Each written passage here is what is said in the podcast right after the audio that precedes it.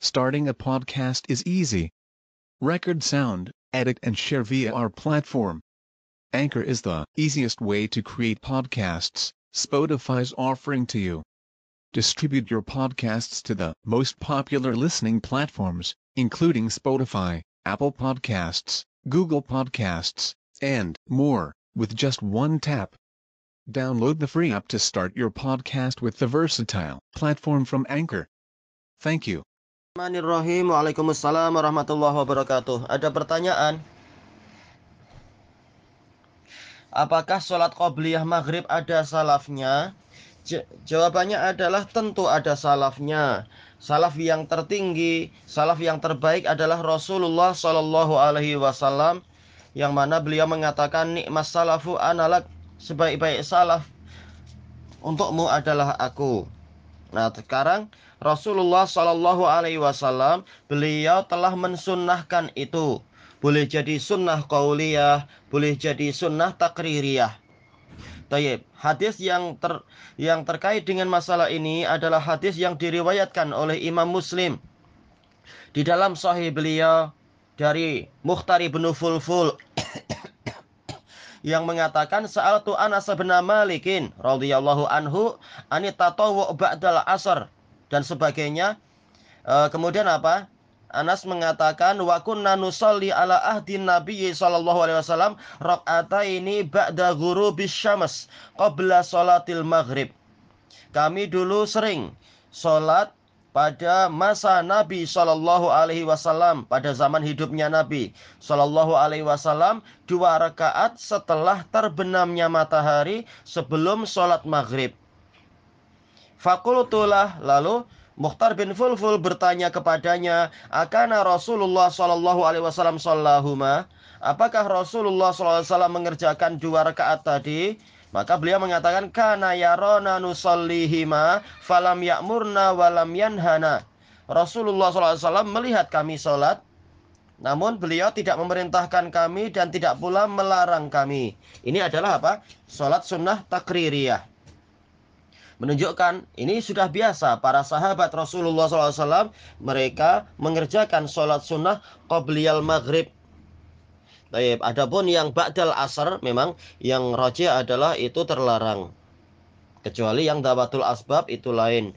Dan ba'diyatal asar memang tidak ada.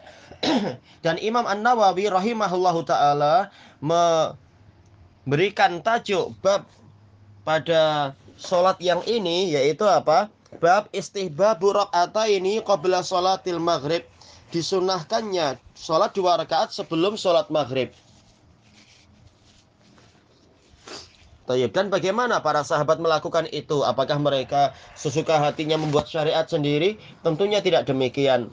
Tentunya itu mereka pahami dari syariat Rasulullah Shallallahu Alaihi Wasallam. Mereka menjalankan sunnah Nabi boleh jadi Nabi sudah memberikan isyarat sebagaimana yang akan Anda sebutkan dalilnya. Yang ini, ini adalah sunnah takririyah. Para sahabat, bukan hanya satu atau dua, tapi banyak melakukan itu dan Nabi tidak melarang. Padahal Nabi melihat itu. Demikian pula dalam hadis yang diriwayatkan oleh Al-Imamul Bukhari dan Muslim. Dari hadis Amr bin Amir dari Anas bin Malik radhiyallahu anhu yang mengatakan laqad ra'aitu kibara ashabin nabiy sallallahu alaihi wasallam yabtadiruna sawari indal maghrib sungguh saya telah melihat para pembesar sahabat Nabi sallallahu alaihi wasallam yang mereka bersegera untuk mendekat ke tiang-tiang masjid ketika maghrib. Taib. Dalam riwayat yang lain, hatta yakhrujan nabiyyu sallallahu alaihi wasallam sehingga Nabi sallallahu alaihi wasallam keluar. Ini menunjukkan bahwasanya ketika sudah masuk waktu maghrib yaitu dohirnya adalah sudah azan dan para sahabat menjawab azan mereka suka untuk mengerjakan amal soleh amal soleh ketika azan adalah apa menjawab azan nah setelah itu mereka bersegera untuk pergi ke untuk mendekat ke tiang-tiang yaitu apa ini yang di masjid biasanya untuk apa ke tiang-tiang? Karena ingin mendekat ke sutroh. Lalu apa? Mengerjakan sholat qobliyah. Sehingga Nabi SAW keluar. Ini ada kemungkinan Nabi mengerjakan sholat sunnah itu di rumah. Karena Nabi SAW mengatakan, afdalu salatil mar'i fi baitihi illal maktubah. Salat yang salat seseorang yang paling utama adalah di rumahnya kecuali salat yang wajib. Taib. Dan Nabi tentunya beliau adalah orang yang bersungguh-sungguh dan berusaha dan bersemangat untuk beramal soleh. Taib. Maka ada ada kemungkinan besar bahwasanya beliau mengerjakan itu di rumah. Kita baik sangka. Nah, ketika beliau keluar, beliau melihat para sahabat sedang sholat. Nah, kemudian Bilal melihat Rasulullah sudah mendekat, lalu Bilal pun mengumandangkan adzan. Dan di sini Anas bin Malik mengatakan apa?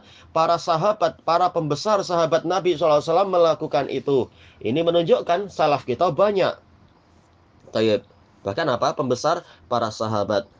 Dan juga diriwayatkan oleh Imam Muslim dalam lafadz yang lain dari Anas bin Malik radhiyallahu an. Tapi apa? Dari jalur Abdul Aziz bin Suhaib, beliau siqah. Termasuk apa? Kibarut tabi'in. Yang mana meriwayatkan dari Anas bin Malik yang mengatakan kunna bil Madinah fa idza adzanal muadzin li salatil maghrib ibtadaru sawari. Kami dulu di Madinah apabila muadzin telah mengumandangkan adzan untuk sholat maghrib, orang-orang bersegera menuju ke tiang-tiang. Fayarka'una rok'ataini rok'atain. Lalu mereka sholat dua rakaat dua rakaat. Yaitu masing-masing sholat dua rakaat. Menunjukkan ini banyak para sahabat yang melakukan itu. Hatta inna rojulal gharib la yadkhulul masjid fayahsabu anna sholata qad sulliyat min kasrati man yusallihima. Sehingga ada orang asing yang benar-benar masuk masjid lalu dia menyangka bahwasanya sholat sudah ditunaikan yaitu sholat maghrib sudah dikerjakan. Karena banyaknya orang yang mengerjakan uh, sholat qobliyah tadi. Ini menunjukkan bahwasanya salaf tentang masalah ini itu banyak sekali. Para sahabat Rasulullah SAW mereka mengerjakan sholat qobliyah maghrib. Tayyip. dan boleh jadi ada hadis khusus tentang itu cuma kita yang tidak tahu. Dan boleh jadi juga para sahabat memahami itu dari keumuman hadis yaitu hadis yang diriwayatkan oleh Imam Bukhari dan Muslim. Dari Abdullah bin Buraidah dari Abdullah bin Mughaffal radhiyallahu an yang mana beliau mengatakan qala Nabi sallallahu alaihi wasallam baina kulli adzanaini shalah baina kulli adzanaini shalah di antara setiap dua azan itu ada salat di antara setiap dua azan di antara setiap dua adzan itu ada sholat. Yaitu apa? Qobliyah. Kemudian pada kali yang ketiga beliau mengatakan liman sya bagi yang mau. Nah, Imam Bukhari membuat bab, membuat judul dalam bab ini bab baina kulli ini sholatun liman sya. Di antara dua setiap dua adzan itu ada sholat bagi orang yang menghendaki. Berarti ini menunjukkan apa? Setiap ada antara adzan dan iqamat itu ada sholat qobliyah. Baik, tapi ini memang tidak sampai uh, menjadi apa? Menjadi sunnah muakkadah. Rasulullah mengatakan limang sya bagi yang mau. Baik.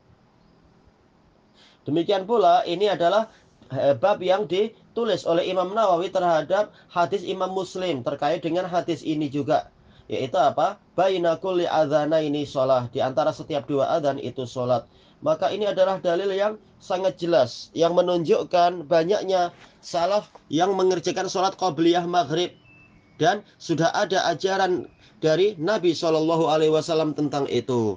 Wallahu a'lam. Adapun pertanyaan, bolehkah sholat qobliyah sebelum adzan? Dalil-dalil yang tadi menunjukkan bahwasanya yang qobliyahnya, qobliyah suatu sholat adalah setelah adzan dari sholat tersebut, yaitu antara adzan dan iqamat. Adapun yang sebelum itu, kerjakan yang lain-lain, tahiyatul masjid atau mungkin istikharah atau mungkin e, misalkan apa habis wudhu berarti sholat sunnah wudhu dan sholat-sholat yang lain yang sholat sunnah yang mutlaqah asalkan bukan di waktu yang terlarang. Kalau di waktu yang terlarang untuk sholat sunnah mutlaqah tidak boleh. Wallahu a'lam walhamdulillahi rabbil alamin.